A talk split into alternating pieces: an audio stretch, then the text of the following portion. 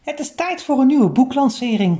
Rekenen voor je leven van Edward van der Vendel en Ionica Smeets.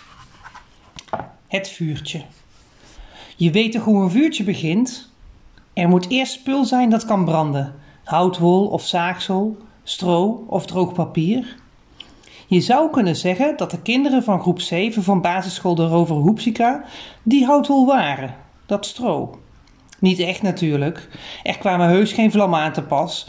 En het is ook niet zo dat ze dom waren, dat ze zaagsel in hun hoofd hadden. Maar toch, op een dag laaide er een vuur op. En de kinderen van groep 7 van de Hoepsika school waren daar eigenlijk al een paar weken klaar voor. Dat kwam zo. Ze hadden een leuke juf en een lieve meester, die van voorlezen hielden en quizjes en gimmen en van grappige verjaardagsliedjes maar ze hielden niet van rekenen. Echt, de meester en de juf zelf hadden een hekel aan sommen.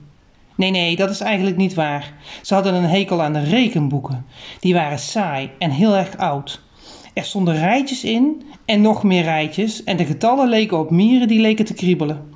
De kinderen van groep 7 van de Hoepsika school vonden dat ook.